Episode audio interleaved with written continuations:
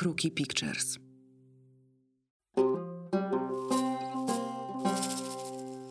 Michał Leja, Łukasz Sokół o fotografii. Cześć Łukasz. Cześć Michał. Nagrywamy? Nagrywamy.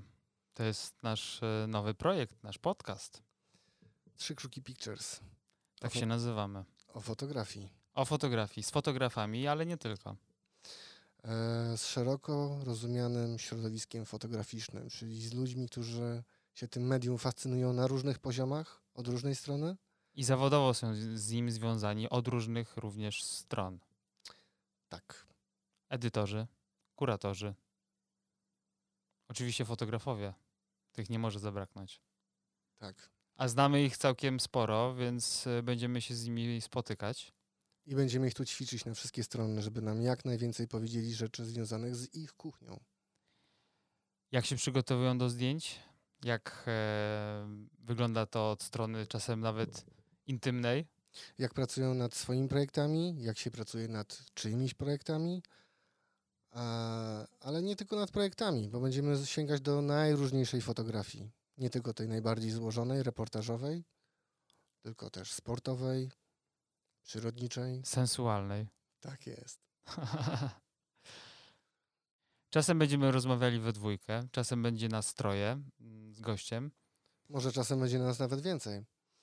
E, fotografia to nasza pasja. Gdybym miał powiedzieć dwa słowa o Michale, bym powiedział street photo i kawa.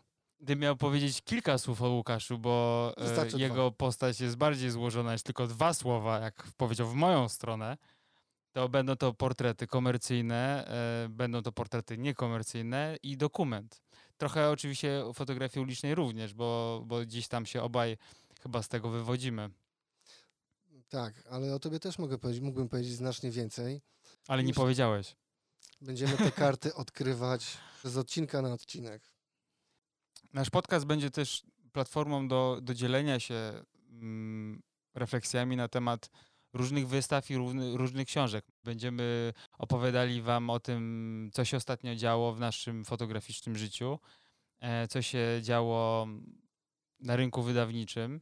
Będziemy opowiadać wam o tym, co nas najbardziej kręci. Czyli o sprzęcie? Nie, nie o sprzęcie, o fotografii. Będziemy chcieli was też po prostu do tego trochę zainspirować. Bo fotografia jest pięknym medium. Tak jest. Zaczynamy. Zaczynamy. A dzisiaj w Krukach Agata Grzybowska. Cześć Agata.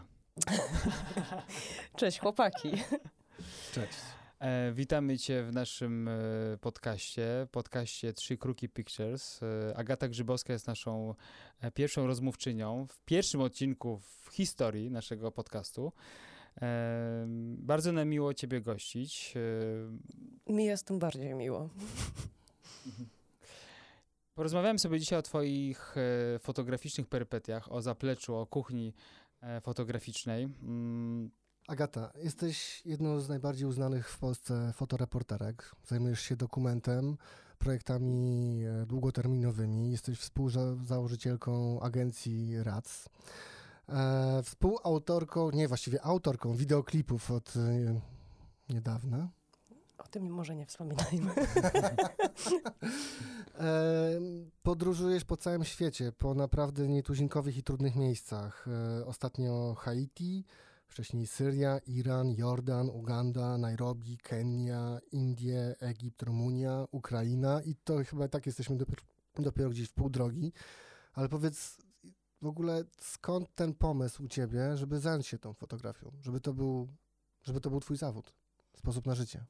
Dobra, więc e, zaczynamy historię rzeka, albo opowieść rzekę, jak, jak to się mówi, chyba tak.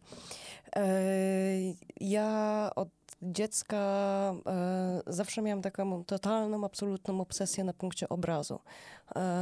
I, I to obrazu nie fotograficznego, nie tyle co fotograficznego, tylko obrazu jako tako. To mógł być rysunek, malarstwo, film, po prostu obraz. Mnie fascynował absolutnie.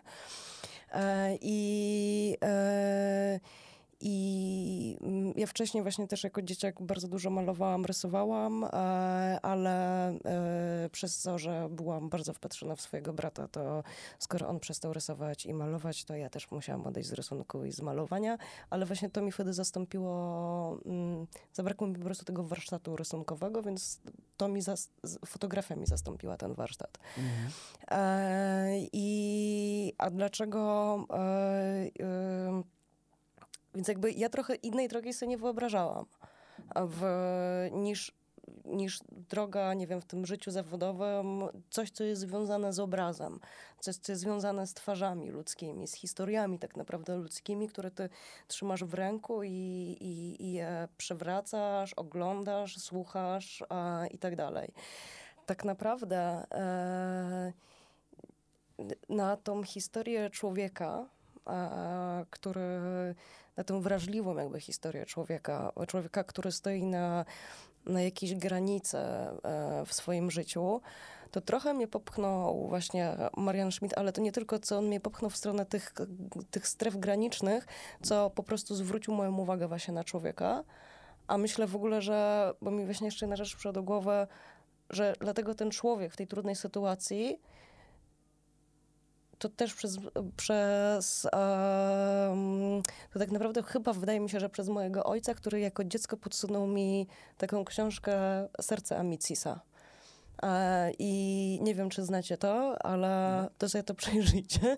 Macie 6 lat i czytacie opowiadania, które są, w których wam pęka serce. Bo są ludzkie historie, których, którzy bohaterowie są bardzo wrażliwi, którzy umierają um, i czytacie taką książkę tak naprawdę o śmierci, o niesprawiedliwości świata. E, bohaterów, którzy na to po prostu nie zasługują. I to w tobie zostało. Tak mi się wydaje, że właśnie jak się zastanawiam, skąd się wzięło to ten człowiek, ten, ta niesprawiedliwość wobec świata, to, tak, ten humanizm cały, to wydaje mi się, że właśnie to wszystko, wszystko z winą mojego starego, tak naprawdę. To jesteśmy, mówię bardzo, to wdzięczni w takim Dokładnie. Gdyby nie on, to byśmy się tu nie spotkali. No i nie powstałaby cała masa tych świetnych materiałów. No dobrze, ale tu właśnie y, twoja, twoja fotografia bardzo kojarzy mi się z też taką właśnie wrażliwością, e, lekkością, wręcz jest bardzo dużo subtelności w nim. I teraz y, jak ty sobie radzisz, y, realizując tematy polityczne, demonstracje? Jak ty się tam rozpychasz łokciami w tych miejscach? Po prostu idę naprzód przed siebie, e, trzymam aparat w górze i mówię bardzo ładnie: Przepraszam, przepraszam, przepraszam, przepraszam, ale Okej. ja naprawdę tam muszę przejść, przepraszam. Ewentualnie, jak mamy takie sytuacje, No. e, i to nigdy nie zapomnę tego, jak jest. Na Majdanie była w pewnym momencie taka historia, że, oni, że rewolucjoniści czy demonstranci zrzucali pomniki. I zrzucili pomnik Lenina w Kijowie. Ja tylko o tym słyszałam, że, zrzuca, że został ten pomnik zrzucony i od razu tylko aparaty na ramię i po prostu pobiegłam tam. I odbiłam się od ściany ludzi. Biegłam ze swoim kumplem, który się fizycznie odbił od nich i uznał, że nie ma sensu, że on tego nie, nie zrobi. A mi się wtedy przypomniała historia Tadeusza Rolka, który opowiadał mi kiedyś, jak e, musiał się dostać w...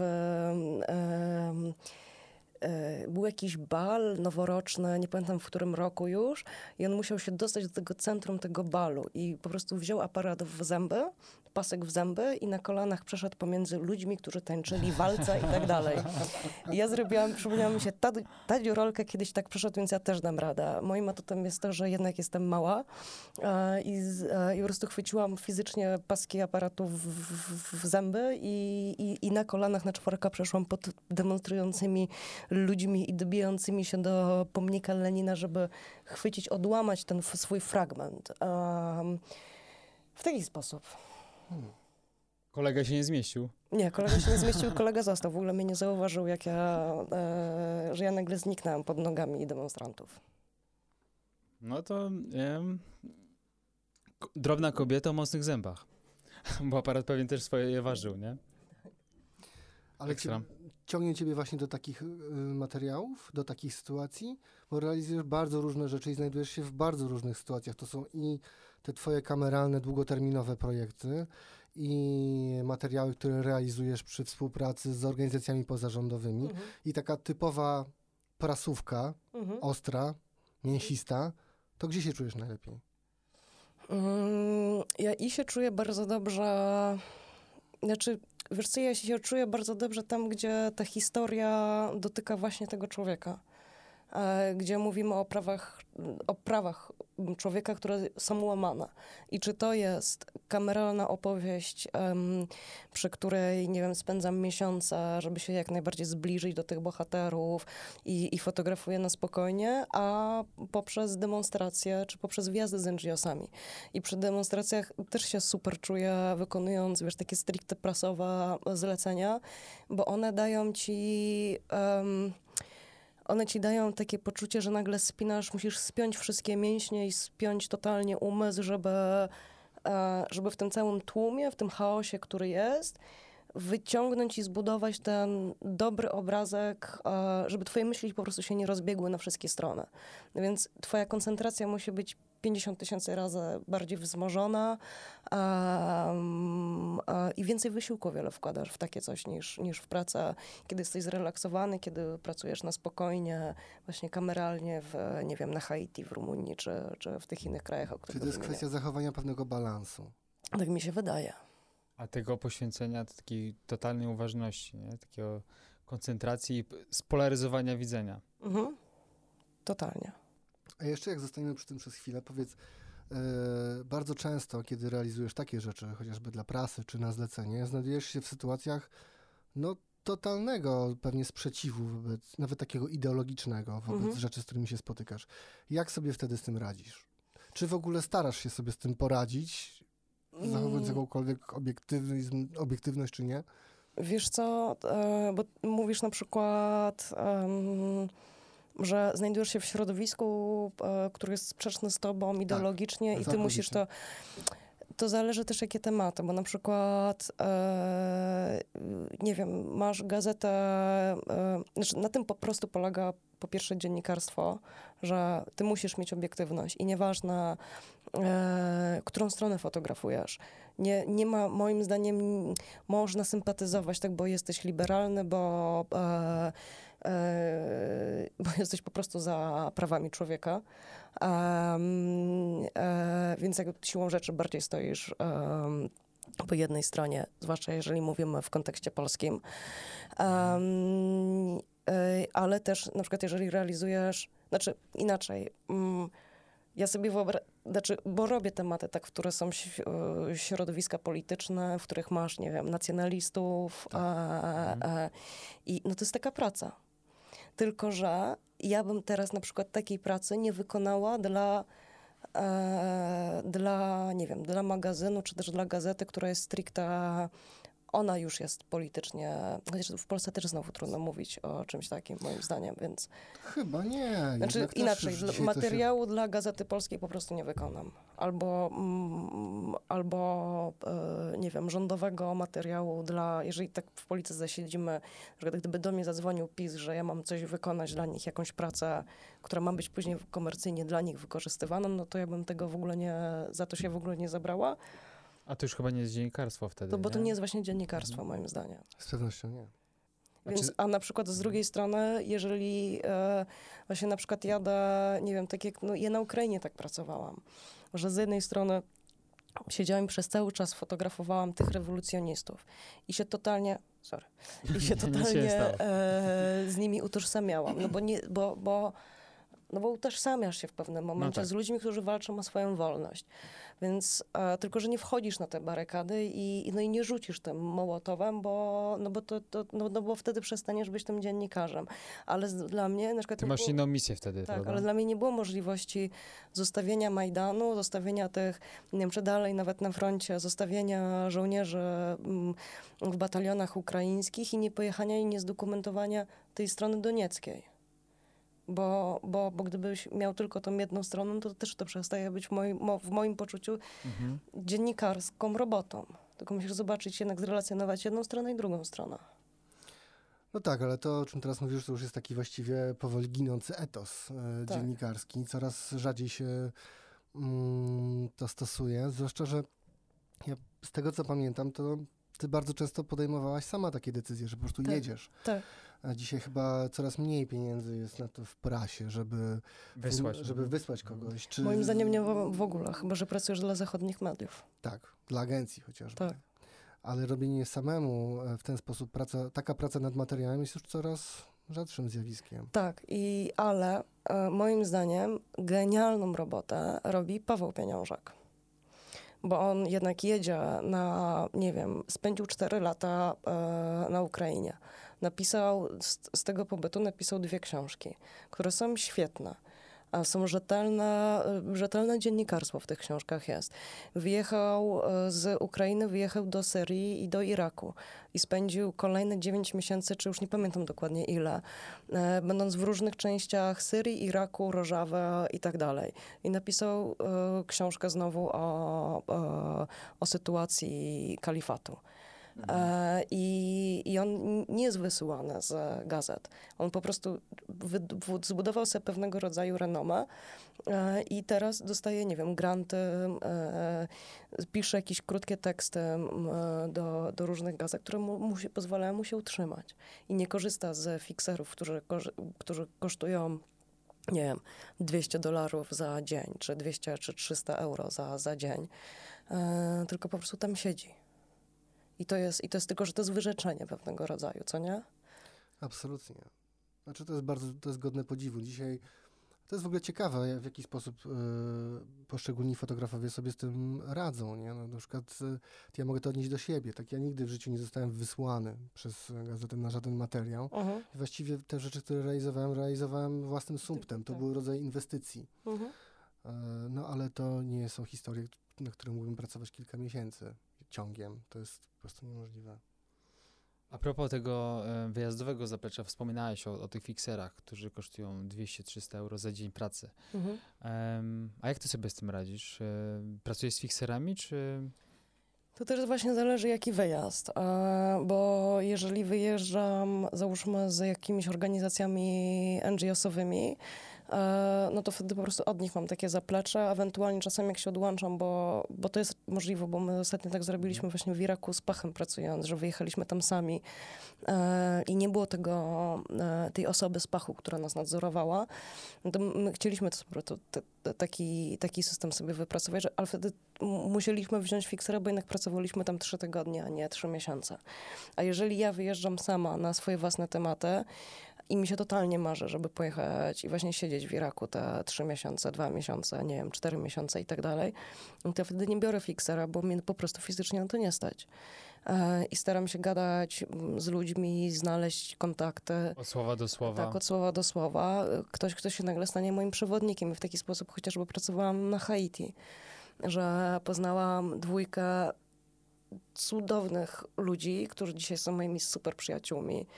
Um, I oni po prostu mi pomagali e, we wszystkich rzeczach, które ja potrzebowałam. A co robiłaś na Haiti?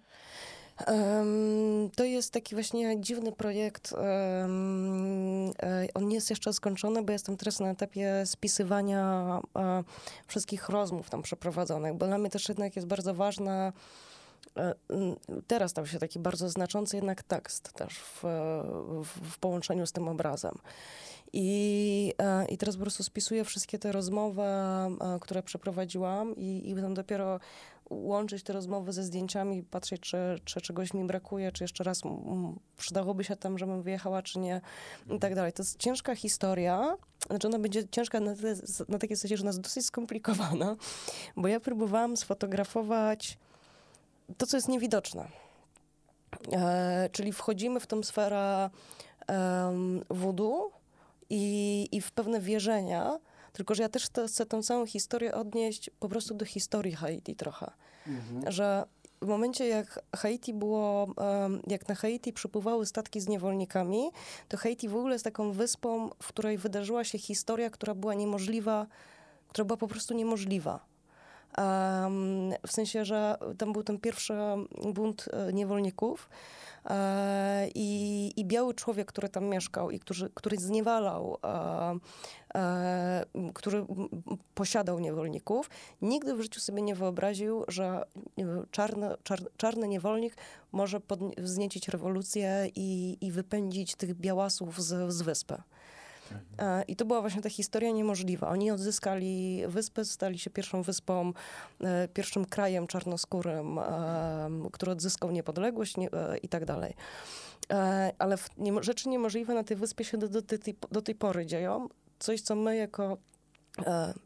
Teraz, żeby nie wejść w te tematy em, żeby to nie zabrzmiało też znowu kolonistycznie w jakiś sposób. Chodzi o to, że też, że, że w, w dalszym ciągu istnieją rzeczy, e, Te zależności cały tak, czas. e, ale też, k- że, że, ta niewidzialność jest i ta niemożliwość jest obecna w dalszym ciągu. E, ja Cała chcę się, taka tak, duchowa, tak, tak, tak. I ja chcę się do tego odnieść. metafizyczna Tak, część. tak. I dlatego mówię, że nie wiem, czy on jest skończony, dlatego że czuję bardzo mocno, że jeżeli mówimy, to też, bo to też w angielskim, mm, ja uważam, że polski po prostu nie jest totalnie wystarczającym, nie jest poje- pojemnościowo wystarczającym słowem.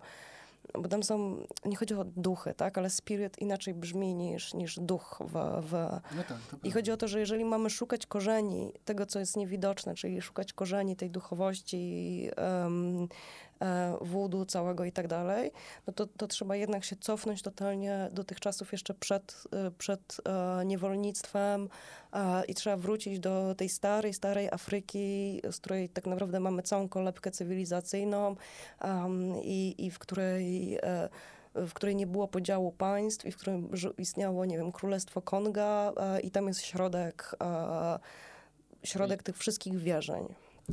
No i, Dlatego to jest Spirytualizmu skomplikowane. takiego. Tak, tak. Dlatego to jest skomplikowane trochę. tak, ale ten spirytualizm w Afryce on ma się bardzo dobrze i on właściwie też ewoluuje cały czas Mhm. e, w jakiś sposób. I przynajmniej moje doświadczenia są takie, że tam jest to dosyć groźne. Czy zabieranie się w Afryce za tego typu tematy nie jest do końca bezpieczne. A ty się czułaś, ty, ty nie czułaś żadnego zagrożenia, żadnego lęku dotykając tego tam na Haiti? Nie. Nie, dlatego że mm, nie.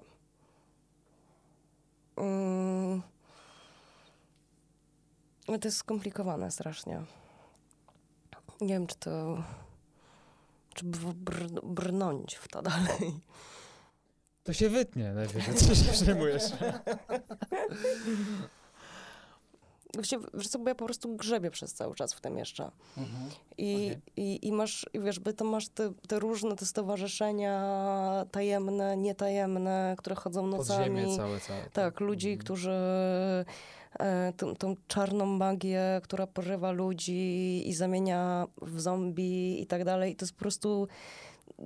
Ja muszę się przez to wszystko przegrzebać w tych notatkach swoich, żeby to wszystko poukładać, żeby to nie brzmiało po prostu jak totalny stek bzdur. No tak, Ale to jest turbo ciekawe, no. Czyli narracja po prostu Tak, odpowiednia. No jest cała jakaś taka, nazwijmy e, to taką powierzchnią tego, która jest trochę z pogranicza no, czegoś dla turystów zrobionego, no bo to Haiti trochę To żyje Tak, tym tak, tak. czarodziejstwem i jest tak trochę, ale potem gdzieś jak wejdziemy głębiej, no to to już jest, to są te prawdziwe historie, te Tak, tak, trudniejsze. tak, to jest tak, to, co tak. mówimy o Afryce, że tam z kolei tej powłoki w ogóle nie ma. Tam po prostu jesteśmy od razu w samym sednie tych przerażających, czy, znaczy trochę przerażających, irracjonalnych rzeczy. No. Mhm. Ale okej, okej, to możemy zrobić pauzę i, i iść dalej. No dobrze, ale to wróćmy na chwilę do domu. Mhm. Wie, wracasz em, z tematu. To są zazwyczaj jednak trudne tematy, no nie oszukujmy się. Jaką masz odskocznię? Gotujesz? Czy, masz, czy coś robisz poza fotografią, co cię po prostu od niej odpręża? Biegasz po łące. Mm, Pierwszą rzeczą to są ciągłe dyskusje, rozmowy e, z moją partnerką po prostu. Dla mnie to jest najlepsza odskocznia. Pierwsza Ale i najważniejsza. Przepracowujesz to po prostu? To, co przywiozłaś? Wiesz co, po ja, prostu? nie, my po prostu strasznie dużo gadamy, też przepracowujemy, znaczy inaczej, ja może wykorzystuję te rozmowy też do przepracowania, ale przez, ja, e, my, mm, po prostu potwornie dużo rozmawiamy i przez cały czas dyskutujemy, i przez cały czas mielimy jakieś rzeczy i zastanawiamy się nad, nad czymś, nad jakimiś rozwiązaniami i tak dalej, i tak dalej.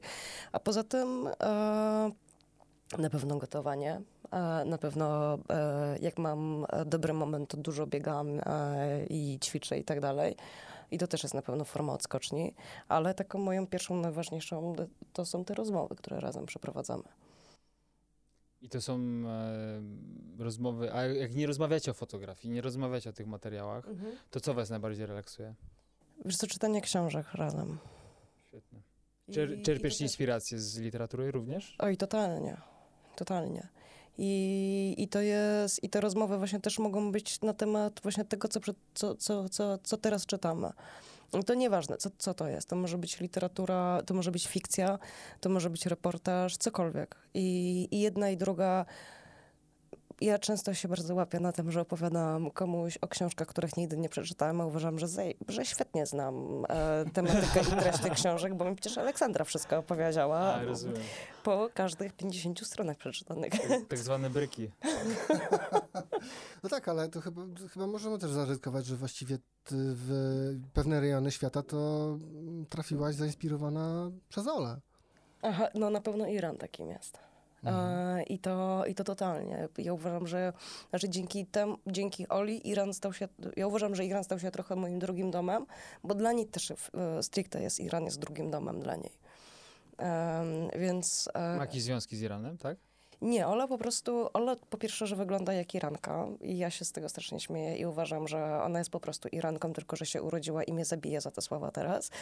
E, I że się urodziła po prostu w niewłaściwym kraju. E, e, Chyba i- musimy to wyciąć, żeby cię nie zabić.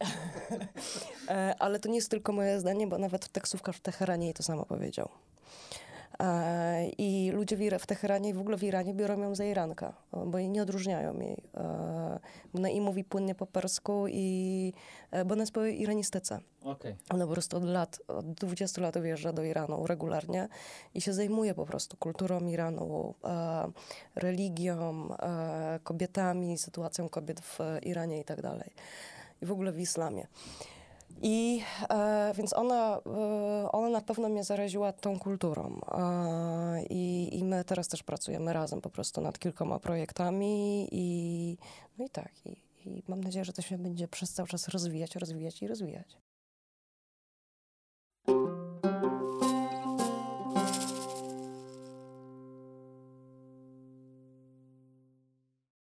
No dobrze, no to jak już jesteśmy przy Iranie, to jak wyjechać do Iranu? Jak wjechałam do Iranu? Nie, po prostu ja, słuchaj, to jest tak, robisz, y, y, wymieniłem ileś krajów, których, do których się wybierałaś, znaczy w których byłaś. Dla większości osób są to, że to są kraje z pogranicza Księżyca. E, To nie jest tak, że po prostu kupujesz em, bilet i lecisz. To jak to, Nic się nie stało. jak to zorganizować? Przychodzą do ciebie młodzi e, uczniowie, młode fotografki, fotografowie, którzy żyją trochę tym mitem tej report, tego report, reportażu wyjazdowego w te trudne miejsca i chcą jechać. I to wszystko wydaje się takie proste. Czy ty ich do tego namawiasz, czy ich delikatnie zniechęcasz? Czy Wiesz co, dla mnie przede wszystkim ja im zadaję pytania, y, dlaczego chcą jechać, e, co chcą opowiedzieć. No i to pytanie, co chcą opowiedzieć, jest też mm, po co. Znaczy oni muszą doskonale to wiedzieć, że oni muszą być przygotowani do tego, a nie, że właśnie będą żyć tym mitem e, tego dziennikarstwa i War fotografera. tak, war fotografera, który jedzie i w okopach się przedostaje na drugą stronę, koszuli. tak w białej koszuli z podwiniętymi rękawami i z aparatem na ramieniu. No nie, nie ma czegoś takiego. Ale mają te odpowiedzi? E, dużo bardzo nie. Właściwie z tych młodych fotografów to nie, nie, nie przypominam sobie, żeby... Znaczy ja z nimi po prostu bardzo dużo rozmawiam najpierw. E, I, I ja bym chyba nie zachęcała, bo to też jest... E, moim zdaniem to też jest trochę bycie nie fair um, wobec tego bohatera, którego spotykasz na, tam na danym, w danym miejscu. Jeżeli mówimy o takiej fotografii stricte, nie wiem, właśnie konfliktowej, e, czy właśnie w te trudne rejony i tak dalej, że jeżeli w ogóle po prostu przed każdym wyjazdem ja uważam, że każdy powinien wiedzieć, dlaczego chce tam pojechać i co chce stamtąd przywieźć, co chce opowiedzieć. jeżeli zada sobie te pytania i będzie umiał e, odpowiedzieć, e, opowiedzieć o tym, no to wtedy niech się zabiera do researchu. Tak. I do nie przygotowań. tego na pewno traktować jako, jako przygodę. Ani pretekstu do tego, żeby dobrze wyglądać z aparatem, bo to też bardzo często się... Był kiedyś taki cały magazyn, em, e, poczekajcie, um, Weissa. E, Weiss czasami, ja nie wiem, czy oni do tej pory to puszczają, ale czasami puszczają takie całe tematyczne numery. E, I w 2013 albo 2014 roku był cały numer poświęcony Syrii. I tam była taka historia, reportaż o chłopaku, e, Chyba to był Amerykanin, e, który postanowił z dnia na dzień, młody chłopak, lat 18-19, że on dzisiaj będzie korespondentem wojennym. I że on jedzie do Syrii, bo w Syrii jest wojna i on tam pojedzie, żeby to do- udoku- udokumentować, opisać i tak dalej. Nie miał żadnego zaplecza. em, nie miał kompletnie żadnej wiedzy, ani e, po prostu wsiadł w samolot do Turcji i próbował się przedostać przez granicę. E, I e, no i nagle z, z, e, ktoś go przewiózł za jakieś potwornie chore pieniądze przez tę granicę. Wrzucili go w Aleppo do jakiegoś, do jakiejś grupy żołnierzy. I tam go, nie wiem, zabrali do szpitala. Ten szpital w tym samym momencie zaczął być bombardowany. On przeżył to bombardowanie, ale generalnie z wyjazdu, który miał tam trwać, nie wiem, miesiąc na zbieraniu materiałów i tak dalej, wrócił chyba drugiego dnia albo trzeciego dnia, sprzedając zegarek, sprzedając telefon komórkowy, żeby ktoś go wywiózł jak najszybciej stamtąd. I, i teraz chodzi o coś takiego, e, że, że my wyjeżdżając, powinniśmy po prostu mieć taką też świadomość, że to nie jest tylko nasze życie ale to przede wszystkim znaczy, też jest życie tych ludzi, z którymi tam przebywamy. I cywili, i, i, no i nawet tych żołnierzy, a też nie wiadomo do jakiej grupy żołnierzy ty trafisz. Czy to nie będą, tak, czy to nie, do, dokładnie. Czy tego typu rzeczy, oczywiście to jest, to jest wypadkowa, ta historia to jest, może być wypadkową wielu rzeczy i często po prostu pecha, ale też często e, no, jakiegoś takiego czy wojeryzmu, brawury, Mhm. em, ale też zdarzało się tobie być w podobnych sytuacjach. Jestem ciekaw na przykład, gdzie, gdzie na, ile, na ile posługujesz się intuicją e, w momencie, kiedy znajdujesz się na linii frontu w, właśnie w Donbasie. Mhm. Jak to się w ogóle dzieje? Powiedz, jak to, jak to wygląda, że docierasz do tego miejsca? Na ile to wszystko jest zaplanowane? Na ile jest tym twoja intuicja? Na, gdzie, gdzie, jak określasz ryzyko? Eee, Wiesz co, akurat w przypadku Donbasu to było tak, że e, w ogóle generalnie jest tak, że na linię frontu nie można się tak łatwo dostać, No właśnie. e, że nie wsiądziesz sobie w samochód i nagle tam sobie przyjedziesz, bo po pierwsze w tych krajach po prostu są blokady drogowe i ty przez te checkpointy musisz się przedostać najpierw. Musisz wiedzieć, jak się przez nie przedostać, bo to często potrzeba jakichś specjalnych papierów, i tak pozwoleń, przepustek, gdzie te przepustki pozałatwiać i tak dalej, więc nie wsiądziesz, nie przejedziesz sobie.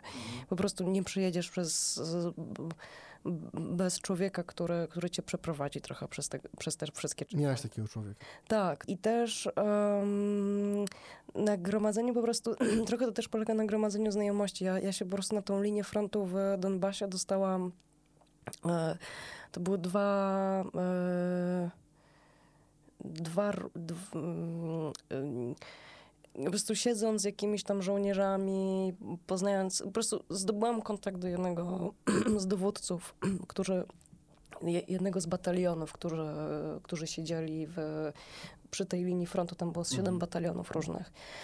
E, I oni mieli, ja się dowiedziałam po prostu, że oni mają e, taki checkpoint, znaczy nie, taki, takie miejsce spotkania, gdzie przyjeżdża jeden pan, jeden żołnierz z karetką pogotowia e, i on zabiera dziennikarza, albo zabiera, do, e, nie wiem, żywność, albo zabiera mm, jakieś potrzebne sprzęty, materiały, żeby dowieść tym, tym, albo żeby po prostu na przykład czasami żywność ludziom, którzy gdzieś w okolicy mieszkają, porozwozić i tak dalej.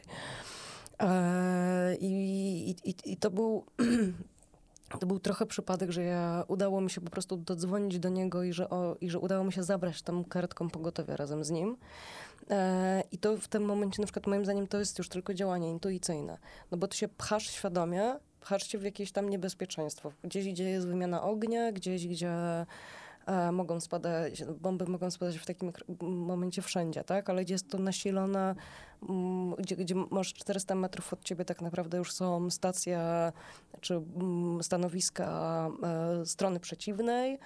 E, więc ty się zdajesz na, przy, na, na przypadek w tym, że ktoś cię zauważy idąc e, i ktoś cię będzie obserwował, ktoś może do ciebie strzelić i tak dalej. To, to, To działasz na partyzanta.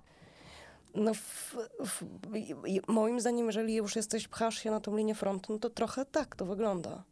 Tylko, że teraz pytanie jest, po co ty się tam pchasz?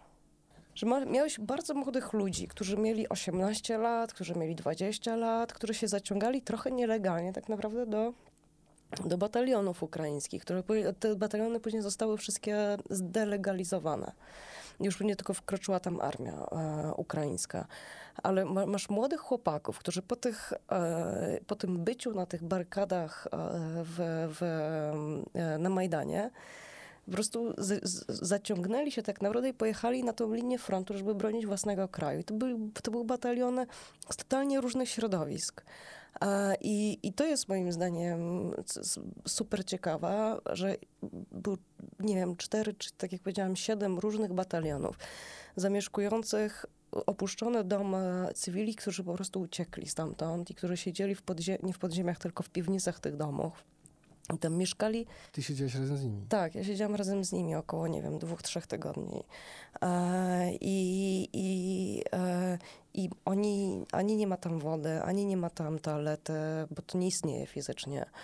I po prostu patrzysz, obserwujesz, jak się te morale tych, tych żołnierzy. Jak jedna grupa e, batalionu, nie wiem, totalnie zdegenerowana, a w drugiej jednak masz tu takie...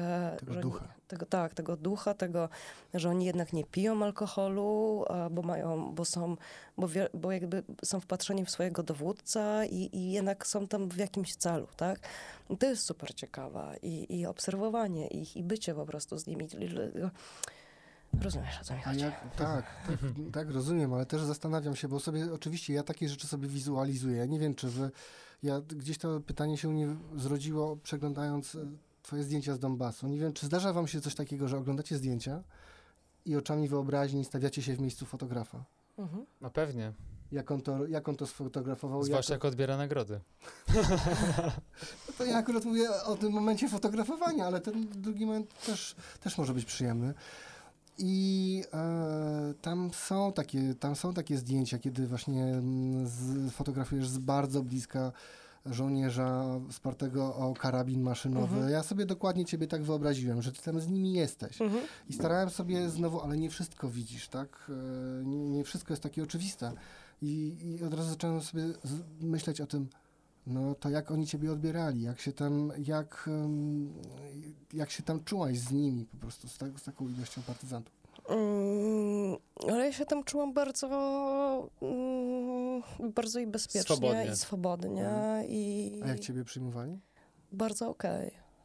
W sensie, znaczy jeden batalion mnie z siebie, od siebie wyrzucił, mm, Okej. ale to już jest bardziej skomplikowana sytuacja i trochę się z tego cieszę, bo em, chociaż też uważam, że to mogłoby być ciekawe, bo to był totalnie stricte nacjonalistyczny batalion. tak, Taki stricte nacjonalistyczny, że na przykład siedziałam w kuchni, że tam jakąś kawę sobie czy herbatę robiłam w takim pomieszczeniu, których oni używali jako kuchnię. Nagle wchodzi młody 17, nie, 18-letni chłopiec, który ci hajluje i, e, i mówi, jak dobrze, że wśród nas nie ma Żydów, ani, e, ani tak. I, No tak. I wiesz, jakby Trudna retoryka. tak. I, I z tego bo on, no, oni mi później wyrzucili stamtąd i, mo, i, i może i dobrze. I, ale ja nie, ja nie miałam żadnych jakichś trudności z nimi. Wiesz, ja się... Ja, ja po prostu dosyć łatwo się tak przyklejam, czy, czy wtapiam w, w ludzi, w, w, w dane jakieś środowisko. Mhm. Asymilujesz się od razu. Tak. No a zawierucha wojenna? E, ale co masz na myśli teraz za wierucha wojenna? Znaczy ta- ta, sama świadomość, że jesteś jednak na froncie, bo mówisz o ludziach, tak? Tak, tak. Ludzie są, to są jednostki, rzeczywiście możesz się zaasymilować, z nimi, e, zakolegować, oni cię mogą zaakceptować, ale jeszcze przecież tam coś się dzieje wokół, tak? W Tak, powietrzu. ale to teraz tak, ale to teraz tak, a, bo są dwie, musicie mieć dwie świadomości, że pierwsza rzecz to jest taka, że e, w przeciągu tych, nie wiem, dwóch czy trzech tygodni, kiedy ja tam siedziałam na tym samym froncie, to oczywiście już słyszysz gdzieś Mhm, z daleka mhm, lecące, uderzające bomby. Przy mnie, co prawda, jedna bomba trafiła, znaczy przy mnie, jakieś 400, ja tego nie widziałam na oczach, tak, ale jednego dziennikarza tam trafiła bomba 400 metrów ode mnie, dlatego później był też problem z tym byciem tych dziennikarzy tam i tak dalej. E, ale takich momentów stricte, że coś się dzieje, że żołnierze idą na, nie wiem, na tak jak była bitwa o Mosul, czy bitwa o, o, o lotnisko w Doniecku, to to jest chwila i to jest... E, i to jest też chwil, to jest, to jest duża chwila, żeby się do tego przygotować i dużo bardzo mówienia, ale moment, kiedy ta, ta, ta, że ty jesteś w, te, w tym w Mhm. trakcie tego, że coś się dzieje, tak jak my mamy właśnie pojęcie bycia korespondentem wojennym, bycie, e, nie wiem, jeżdżenie na wojnę, to wszyscy właśnie sobie wyobrażają, że ty biegniesz w huku, a, kryjesz się, osłaniasz głowę i tak dalej. Tak to tak naprawdę to nie jest To są obrazy z filmów akcji. tak, prostu, no tego to- nie ma tak. D- mm, I kiedyś rozmawiałam z takim chłopakiem, e, e, który pisał jakąś pracę, mm, nie wiem, licencjacką właśnie o fotoreportażu wojennym i tak dalej. I on powiedział, ale le- Agata, dlaczego twoje zdjęcia z rewolucji w Majdanie są takie tam jest dynamika na tych zdjęciach. Tam widać, że coś się coś dzieje. A w tych zdjęciach, e, z, z, kiedy jesteś na linii frontu, tam nie masz tej akcji. A ja mówię mu, dlatego, że wojna to jest oczekiwanie. Dlatego, że mm, to jest tak naprawdę, na tych zdjęciach masz dużo takiej nudy w cudzysłowiu, dlatego, że ci żołnierze przez cały czas na coś czekają. I teraz albo możesz siedzieć właśnie tam trzy tygodnie, albo rok i w ciągu tego roku się coś wydarzy, takiego dziennikarskiego dla ciebie ważnego w obrazie, w tekście, w, w historii, albo po prostu opowiadasz o życiu e, albo chłopaków, którzy mają 18, 19, 20 lat i czekają właśnie na ten moment. Na rozkaz. Tak. No dla dobrej historii uczestniczenie w tym wszystkim jest niezbędne. Musisz być, fotograf musi być na pierwszej linii frontu. Tak. Fotograf musi być, e, nawet jeżeli ta linii, pierwsza linia frontu jest metaforą, bo po Mhm. prostu musisz być zawsze w centrum wydarzeń. Ale powiedz mi, czy ty w ogóle lubisz wychodzić ze swojej strefy komfortu? Lubisz jakby dostać w kość? To tobie jest potrzebne czasem, żeby poczuć, e, żeby zrobić albo lepsze zdjęcia, albo poczuć, że żyjesz? Pytanie, czym jest w ogóle jeszcze strefa komfortu dla ciebie? No właśnie chciałam się o to zapytać. Co masz na myśli mówiąc o strefie komfortu? No nie wiem, no to każdy ma swoją. Em, wiesz co? Przekra- ja tracę, ja tracę strefę komfortu w momencie, kiedy e, nie wiem, jestem, muszę sfotografować mm, koncert. a, I, I jest tłum ludzi dziki. E, albo, nie wiem, idę do galerii. mieć drabinkę, drabinkę Tak, e, albo idę do galerii i na, bo ktoś ma, albo jest jakiś ważny wernisaż e, i ty idziesz na ten wernisaż, bo to jest wernisaż i że jest takie coś w tym, że trzeba się pokazywać i to jest, i że ja muszę się pokazywać, to jest właśnie wykraczanie poza moją strefę komfortu. Ciekawe, no, no podobnie. Czyli autopromocja to nie jest twoje drugie imię. E, to nie jest żadne imię dla mnie. To może teraz trochę o tych, e, a propos o tych bywaniu, prezentowaniu się. E, Niedawno się prezentowała twoja wystawa. Mhm. Mm. Jak się czułaś, otwierając wystawę? Skoro nie lubisz, nie lubisz tego... Mm, Wiesz co, bo, bo tak, bo otwierała się, e, znowu się otwierały bramy. Mhm. Więc to jest projekt i to jest wystawa, która tak naprawdę jeździ od trzech lat. E, I z jednej strony jakby ja jestem przy- po tych trzech latach już nauczona totalnie mówienia, opowiadania. Nabrałaś ogłady po prostu, Tak, tak? tak, więc dla mnie to nie jest żaden problem, ale ja mam ciągle coś takiego, to było bardzo fajne w ogóle otwarcie. Może dlatego, że było pandemiczne, w sensie, że ono... Online. e, Nie, nie było online, tylko że było do galerii wpuszczane po pięć osób. O rano.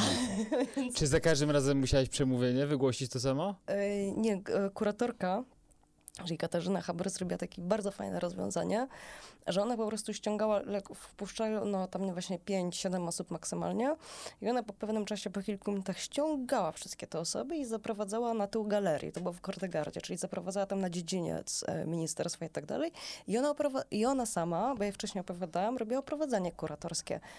A jak ja, e, a, a, ja, a ja miałam takie coś, że miałam raz po prostu, że ona mi poprosiła, to teraz chciałabym, żebyś to poszła, powiedziała i tam była dużo ludzi i tak dalej. To było super fajne.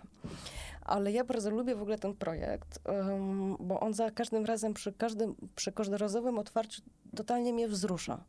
W sensie, że odbiór ludzi mnie wzrusza. Porusza to doświadczenie, że ta fotografia, którą ty robisz, że ludzie to odbierają tak jak, e, mm, że, że czują to po prostu, Aha. że czują to, co twoją pracę, czują te emocje, które chciałaś, chciałaś, chciałaś przekazać w momencie robienia tych zdjęć i tak dalej. I była, i, i, i dla mnie to jest niesamowite, że na przykład właśnie ja opowiadam o tych zdjęciach i na przykład podchodzi do mnie jakaś pani i mówi, wiesz co Agata, strasznie, e, w momencie, kiedy opowiadałaś tam historię jakiegoś bohatera, to ja nagle się poczułam tak, jakby ten bohater, ta postać tego człowieka się zmaterializowała przez ciebie. Mhm. I mi w tym znaczy i ta pani mówi, że i totalnych dostałam dreszcze na całym ciele. I to jest coś mega cudownego. Albo jedna pani na przykład do mnie napisała maila chyba na Facebooku, e, że ona mi strasznie dziękuje, bo, yy, bo ona ma wrażenie, że przed wernisażem i przed obejrzeniem w ogóle wystawy ona była kimś innym, a dzisiaj jak się obudziła po tym doświadczeniu obejrzenia i posłuchania mnie, to ona ma wrażenie, że obudziła się zupełnie innym człowiekiem. A kilka dni temu na przykład dowiedziałam się, że, bo była jakaś moja znajoma na tej wystawie, która przyprowadziła swoją mamę i ona powiedziała mi, i słuchaj Agata, ja zobaczyłam w galerii taką starszą panią, 70-80 lat miała i ona, słuchaj, stała naprzeciwko twoich zdjęć i płakała. I ja po prostu, ja jak o tym sobie przypominam i wizualizuję sobie tą panią, która stoi i czyta te historie, ogląda te obrazy i że ona płacze, to mi się chce strasznie płakać. I później się dowiedziałam jeszcze, bo wczoraj do mnie właśnie kuratorka zadzwoniła, bo ja zostawiałam taką, jak był telewizor, to z, z, z wideo opuszczonym, to przy tym telewizorze ja zrobiłam taką kartkę, na której też pisałam tam ręcznie taką z, taką malutka karteczka wisiała. I że ta pani właśnie, która płakała, się pytała, czy ona mogłaby sobie zatrzymać tą kartkę na pamiątkę. I dla mnie to jest takie wow, takie wiesz, to będzie największa przyjemność i zaszczyt, że ta pani weźmie sobie tą karteczkę. A, Taki mały gest, nie? Tak, i wiesz, i wiesz, ja opowiadając wam o tym, wiesz, tak mam takie już totalnie podniesione, wiecie, uczucia tak. wszystkie i, i to jest coś mega super pięknego. No wiesz, to jest, y, ten projekt jest niesamowity, on jest zupełnie wyjątkowy, przepiękny i dla ciebie na pewno, że wiem o tym, że to jest dla ciebie bardzo ważny projekt. I tu też jest pytanie, powiedziałaś trzy lata temu właściwie, to no on miał swoją premierę. Jak on dzisiaj, chociaż tych otwarć wystaw i, i odsłon już było tak wiele i ta forma, ona się też trochę zmienia chyba. Czy to mhm. jest tak, też tak, tak że e, ten projekt, chociaż jest to, za, on jest skończony, ale jego kolejne odsłony są różne. Mhm. Czy to jest y, wynik też jakby mm, twojej, zmiany twojej wrażliwości, twojego dojrzewania, czy też współpracy mm, z kolejnymi kuratorami? Wiesz co, i współpraca e, z, ja bym powiedziała, bardziej kuratorkami, bo akurat dwie takie właśnie osoby, które trochę zrewolucjonizowały moim zdaniem totalnie e, e, myślenie o pokazywaniu tego projektu i mnie zaczęły uczyć czegoś nowego, to są same kuratorki. To jest w ogóle super fajna. Um, Kto? E, Maja Kaszkur, e, Simin Degani, e, to jest kuratorka e, z Iranu, z galerii w Teheranie e, i właśnie Katarzyna Haber. I, a mnie zaczęło też bawić po prostu żeby nie pokazywać tego projektu zawsze, zawsze tak samo, dlatego że książki nie możesz zmienić, tak? Bo nie możesz inaczej, bo książka powstała i to jest, więc coś, co ma się rozwijać, to może się to rozwijać wyłącznie poprzez formę pokazywania, prezentowania tego publiczności. I, I właśnie na nowo, jakby tak naprawdę projektowanie tej, tej wystawy na nowo bawienie się tym tekstem, że wkraczanie, że jakby mocniejsza nagle ingerencja tego tekstu w, w zdjęcia, że to, to, jest, to jest coś super fajnego, że jeżeli inaczej, to ja bym się, ja bym zwariowała chyba inaczej, ciągle w ten sam sposób. Aha. Czyli, czyli ty masz tym komfort, że oddajesz te swoje dziecko, ten tak ważny dla ciebie materiał w cudze ręce i ktoś nagle lepi z tego coś nowego. Mhm. Tak, ale to zawsze się, wiesz co, odbywa, że, y, że my się zawsze razem spotykamy, razem dyskutujemy e, i wiesz, to jest takie, mm, takie jedno półkulowe, ja bym powiedziała, Mhm, że, że mhm. masz nagle tą burzę mózgów i e, wiesz, i, i, i, i, i ingerencja w zdjęcia i to jest, to jest super fajne. Czy będzie kolejna odsłona? Mm, Właśnie chciałabym powiedzieć, że mam nadzieję, że nie. Ale, ale... E, Nie, nie, tak naprawdę mam nadzieję, że nie. No, Znaczy po prostu, bo ja się strasznie boję jednej rzeczy, że mm, właśnie Maja Kaszkur mi to powiedziała a, rok temu chyba, albo półtora roku temu. No i warto słuchać. O Jezus, bardzo warto jej słuchać. Ona powie- po wystawie w Sopocie, e, Maja Kaszkur nagle do mnie po wystawie w Sopocie podeszła i powiedziała Agata, teraz masz dwa lata na zrobienie kolejnego projektu i na premierę kolejnego projektu. I faktycznie ja mam coś takiego, że mm, wiecie o co mi chodzi, że, e, że ja strasznie dużo pracuję przez cały czas i myślę i rozpisuję różne rzeczy i tak dalej. I po prostu, bo bardzo bym nie chciała, żeby, żeby mnie, wiecie, zamknięto i sklasyfikowano do dziewięciu bram. I że tak silnie, znaczy to jest super, że, ono, że to tak silnie jest powiązane i, i że to, tylko ja nie chcę, żeby to w efekcie stało się jednym z najważniejszych projektów, jakie zrobiłam. Oczywiście. Tylko jednym z. E, a z drugiej strony, Z wielu ważnych. tak, że, że chciałabym, żeby, e, żeby ten kolejny projekt właśnie był, wiecie, minimum na tym samym poziomie, co, co Brama. No, poprzeczkę zawiesiłaś sobie dosyć wysoko, to teraz się męcz. Będziemy cię dopingować, słuchaj, tym bardzo. Bardzo dziękuję. Ale wiesz co, to teraz może, żeby tak trochę rozluźnić, bo wiesz, no, znamy się już troszkę, Troszeczkę. troszeczkę, troszeczkę. No i wiesz, ty poza, poza tymi wszystkimi niesamowitymi historiami, moglibyśmy też sporo takich innych historii opowiedzieć, na przykład jak e, bardzo często spóźniasz się na samolot, zostawiasz z. Em, To jest ten moment, Aga, to jest ten moment. Kiedy po prostu wiesz, no, słyniesz z tego, że jesteś troszkę zapominalska i troszkę. Powiedz, jak to się przekłada? No, moglibyśmy wiele takich anegdot opowiedzieć, ale nie, nie będziemy tego robić oczywiście. Em, jak to się przekłada na twoją pracę? Zgubiłaś kiedyś aparat? O to chodzi. Nie zabrałaś czegoś bardzo ważnego na zdjęcia, wzięłaś aparat bez obiektywu, ale Ale kiedyś wyszłam na zlecenie bez karty w aparacie. ja teraz raz to zrobiłem, rany. ale na szczęście odwołali zlecenie, więc coś nade mną czuwało. W A ja biegłam jak najszybciej, żeby zdążyć się, bo to był akurat jakiś temat dla gazety. I ja, żeby mi się bardzo cieszyła teraz. nie, zdążyłam, zdążyłam. Ehm, nie, chyba nie, znaczy nie zdarzyło mi się nigdy zgubić aparatu, ani zostawić aparatu. Faktycznie zostawiałam telefon w samolotach i regularnie spóźniam się na samolotach. Nie tylko ty. Nie no, komputer. Powrót, z Paryża. No tak, no zdarzają się takie, takie historie, ale nie o mnie tutaj A teraz. ile, ile się spóźniliście na samolot?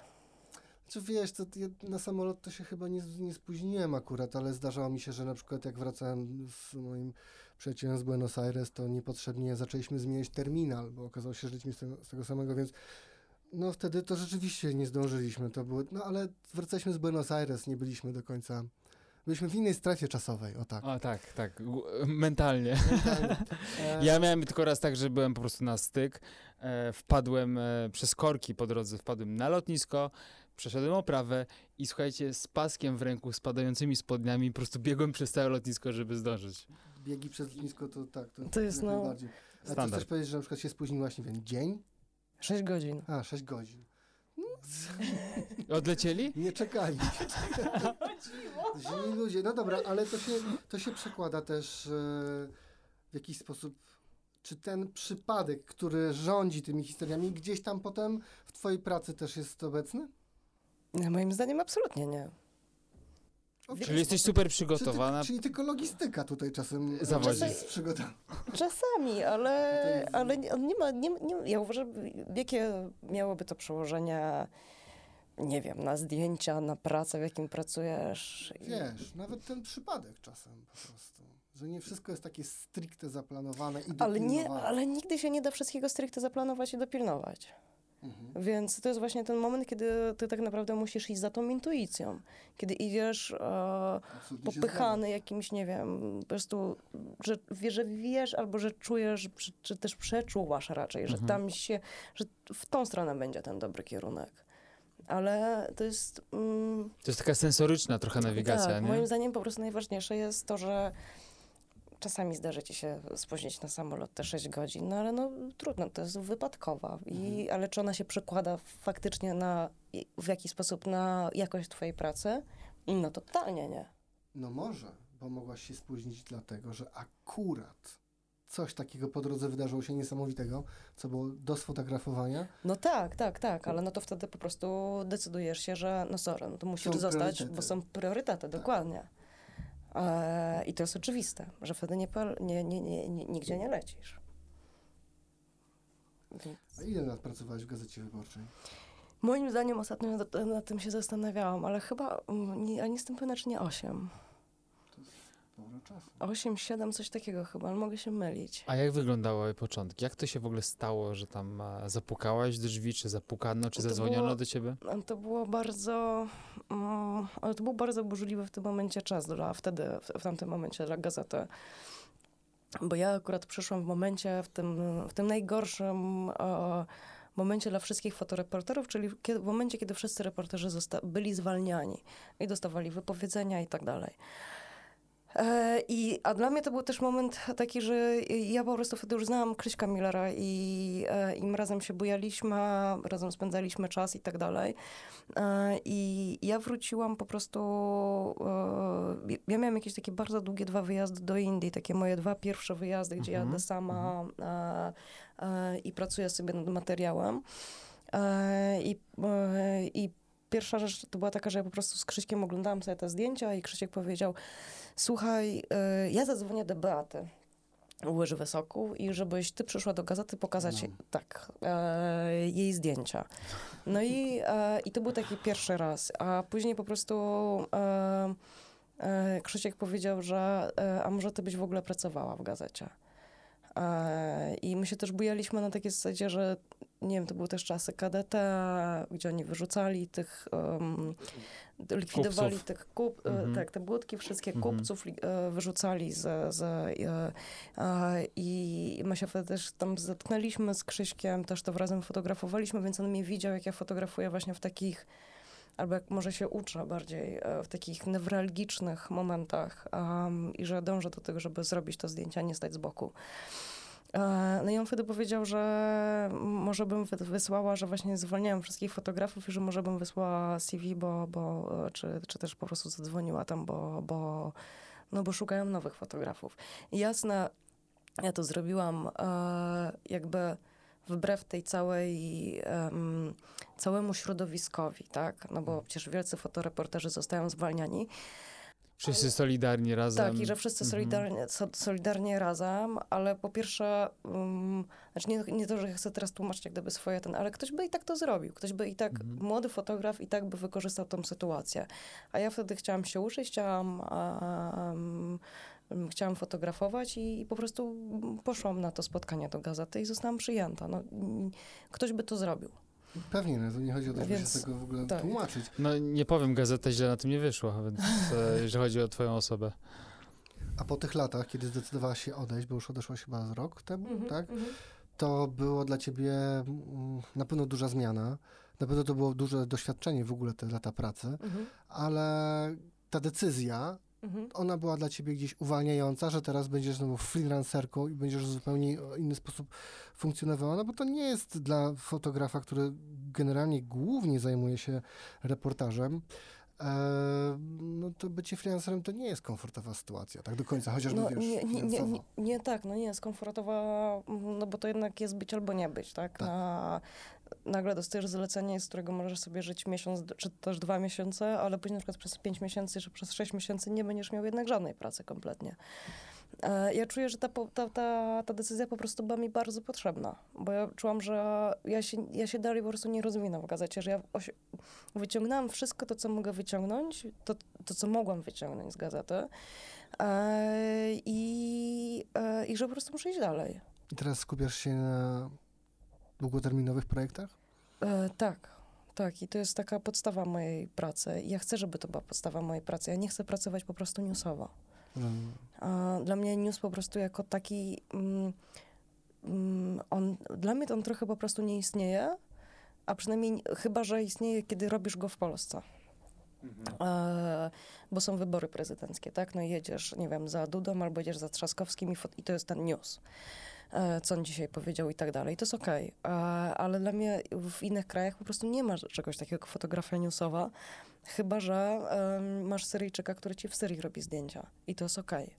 I że nasza praca powinna się, jeżeli chcesz pracować mm, na innych, w innych krajach, w innych, na innych kontynentach, opowiadając różne historie ludzkie, no to jednak ona mo, powinna się opierać wyłącznie na długoterminowych. E, no tak. Zaangażowanych, Tak, pogłębionych. tak, tak, tak, tak, że nie, nie ma możliwości innej. Że inaczej przyniesiesz po prostu ładny, płytki obrazek. Ale ja nie chcę robić tego ładnego, płytkiego obra- obrazka, za którym ni, nic nie idzie dalej. E, bo, bo, bo ja nie potrafię tak fotografować. Dla mnie to jest po prostu też trochę mm, z tym widzem trochę też nieuczciwa taka... Mm, znaczy to jest pewnego rodzaju, w tym co ja robię, wydaje mi się, że to jest kłamstwo. Nie wiem, czy rozumiecie, o co mi chodzi. W pewnych kategoriach tak, tylko wiesz, ja myślę, że to też jest potrzebne. Ten, ten spot news też jest potrzebny. Um, ale to, że dzisiaj myślisz o bardziej rozbudowanej narracji, to, znaczy, bo to jest po prostu twoja też wewnętrzna ewolucja pewnie, Tak, no, tak, tak, rozwój. tak, tak. Ja nie, ja, nie, ja, nie, ja nie twierdzę, że ten spot news nie jest potrzebny, tylko że ja nie chcę go robić. Bo ja się z tym po prostu nie zgadzam, że ja wyjadę, e, nie wiem, typu do Afganistanu i zrobić w Afganistanie, w Afganistanie newsowe zdjęcia, bo, bo ja ci tych zdjęć nie zrobię, bo one, bo one nie będą faktyczne i one nie będą uczciwe. Tylko niech to zrobi Afgańczyk, który jest za- zatrudniony dla Reutersa, bo to on zna bohaterów, bo to on zna sytuację i tak dalej. I w jego kre- w żyłach płynie ta po prostu No, krew bez ulicy. no, Nie? Więc... mogę zrobić newsa, który będzie rzetelny, który będzie niósł za sobą informacje w Polsce. Ale nie, nie w, w innym kraju. Chyba, że na przykład, wiesz, znasz um, taki kraj totalnie od podszewki, jak na przykład właśnie Aleksandra zna Iran. Um, e, I dla której jest właśnie ten drugi dom, i która zna politykę po prostu od A do Z, zna, zna wszystko o tym kraju. Zna wszystkie, jest w stanie wejść w każdy niuans.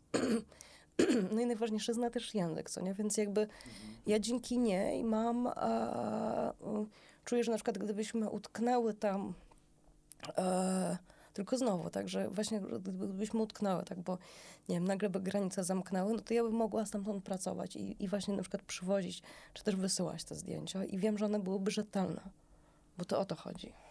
To, o czym mówisz, to jest taka sytuacja chyba idealna. Tak. No ale niestety świat tak nie funkcjonuje. No i też jest bardzo wiele krajów, którzy po prostu, w których nie ma jeszcze prasy na takim poziomie, nie ma wykształconych, znaczy może nie jest kwestia wykształcenia, no po prostu no, nie ma tych reporterów na miejscu.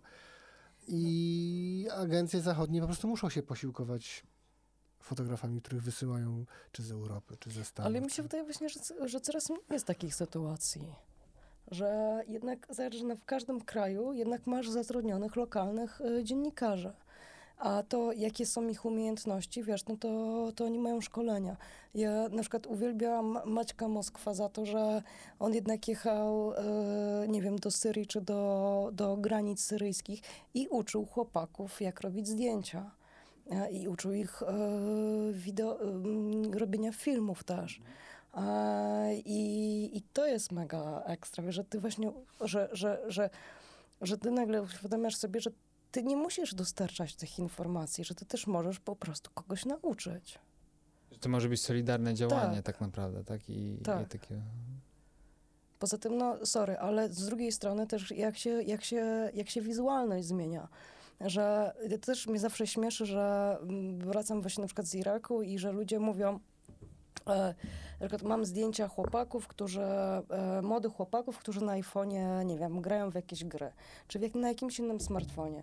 I oni, i wszyscy wtedy mówią, czy też większość ludzi mówi, o Jezus, tacy uchodźcy mają telefony komórkowe, a jeszcze w ogóle to mają e, smartfony i tak dalej. I internet. I, tak. No i wiecie, jak gdyby... E, i, i, I jest coś takiego, że ludzie na całym świecie jednak posługują się tym obrazem. Tak wszędzie, gdziekolwiek jest, robią zdjęcia. I że na, na, na tym też polega moim zdaniem uświadomienie sobie, jak się zmienia, że naszym społeczeństwem dzisiaj, globalnym społeczeństwem jest społeczeństwo wizualne. I jest masa, przecież generują się protesty e, obywatelskie za pomocą obrazów. Tak. E, I, I to nie, wiesz, my możemy wykorzystać mniej doskonałe zdjęcie, ale to zdjęcie jest wykorzystywane przez tę agencję. Moim zdaniem jednak, e, wiesz, wszystkie agencje, nie wiem, typu Reuters, AFP, AP, ma, ma każdego swojego, w każdym kraju pracują, albo na, na regiony, pracują lokalni fotografowie. Myślę, że to e, praca nad taką globalną świadomością i to, co, o czym ty mówisz, czyli e, to jest niezwykle ważne, żeby wspomagać, żeby uczyć ludzi, posługiwać się jak naj, jak najlepszy sposób tym obrazem. Olbrzymim wyzwaniem też jest tak naprawdę nauka ludzi, by ten obraz czytali Tak, tak. i interpretowali To ten obraz w odpowiedni sposób. Tak. To jest olbrzymie wyzwanie, żeby Mhm. właśnie nie było potem takich, no powiedzmy, interpretacji typu, że jak to jest możliwe, że ci uchodźcy mają właśnie Mhm. telefony w ręku. Mhm. To, Tak, ale to jest edukacja systemowa, więc to jest tutaj zagadnienie bardzo szerokie. no ale to, jest wynika duże z- zadanie. du, duże zadanie, ale stojące przed całą naszą, e, nie wiem, czy, czy kulturą, czy cywilizacją, bo na przykład ja osobiście uważam, że jesteśmy mocno zaniedbani z edukacją wizualną w tym kraju. Ale makabrycznie. Wystarczy to- spojrzeć, jak wyglądają ulice, a już nie mówiąc o przedmieściach dużych miast. Mhm. Tak, ale czy to jest, czy można by tak podsumować, że to jest coś, co tobie przyświeca? To, to że em, budzenie tej po prostu świadomości, zwracanie, tłumaczenie świata i Totalnie, ludziom Totalnie. o innych Chodzi o to, żeby po prostu dać pięścią między oczy, żeby ktoś po prostu się ocknął, prawda? E, tak, ale też jest moim takim marzeniem totalnym jest, żeby e, nie wiem, żeby na tyle, mm, żeby po prostu uczyć tej wizualności, żeby uczyć czytania obrazu i żeby zrobić, nie wiem, jakiś cały program kulturalny, że po prostu bierzesz artystów, to nie tylko fotografów, bo po prostu zawozisz ich, ich w, w, z moimi przyjaciółmi właśnie i z Aleksandrą chcemy zrobić. E, bierzesz fotografa, bierzesz filmowca, bierzesz pisarza, nie wiem, bierzesz e, właśnie, nie wiem, osobę, która się zajmuje Afganistanem, czy też właśnie Iranem i zawozisz w te, kra- w te miejscowości zachodnie, Polski, wschodnie, tych ludzi, którzy są po prostu zapomnieni, którzy nie mają totalnie żadnego dostępu do kultury i uczysz dzieciaki. I teraz wyobraźcie sobie takie, to jest projekt marzenia że masz na jakiejś maleńkiej miejscowości na wschodzie Polski, e, właśnie przy granicy, masz dzieciaki w liceum, które na przykład wyklejają całą swoją szkołę w wielkoformatowe zdjęcia uchodźcze. A obok wyklejają też historię e, tej rodziny, wyklejają imiona, e, nazwiska, skąd ci ludzie uciekli i tak dalej. i dlaczego. I dlaczego? No ktoś musi młode pokolenie uczyć wrażliwości po prostu na ludzką krzywdę i na, i na to, jak ten obraz może wyglądać. No super, życzymy, żeby się spełniło. No to, to mocno trzymajcie kciuki, Trzymamy kciuki. bo absolutnie chcę to totalnie zrobić. Jak możemy, to pomożemy. Agata, e, było nam niezmiernie miło gościć Ciebie tutaj. E, Mi było niezmiernie miło. Rozmowa e, bardzo mm, pouczająca, mm, bardzo też poruszająca. Dziękujemy Ci za to, że nam zaufałeś w tym pierwszym odcinku, tak? Bo będziemy kiedyś, mam nadzieję, do tego wracać z uśmiechem na twarzy, ale każdy kiedyś ma swoje początki. Tak. Em, dziękuję. Ja Było super. Bardzo dziękuję. Było Do super. usłyszenia i do zobaczenia. Do zobaczenia i do usłyszenia, chłopaki, totalnie. super. To były trzy kruki Pictures.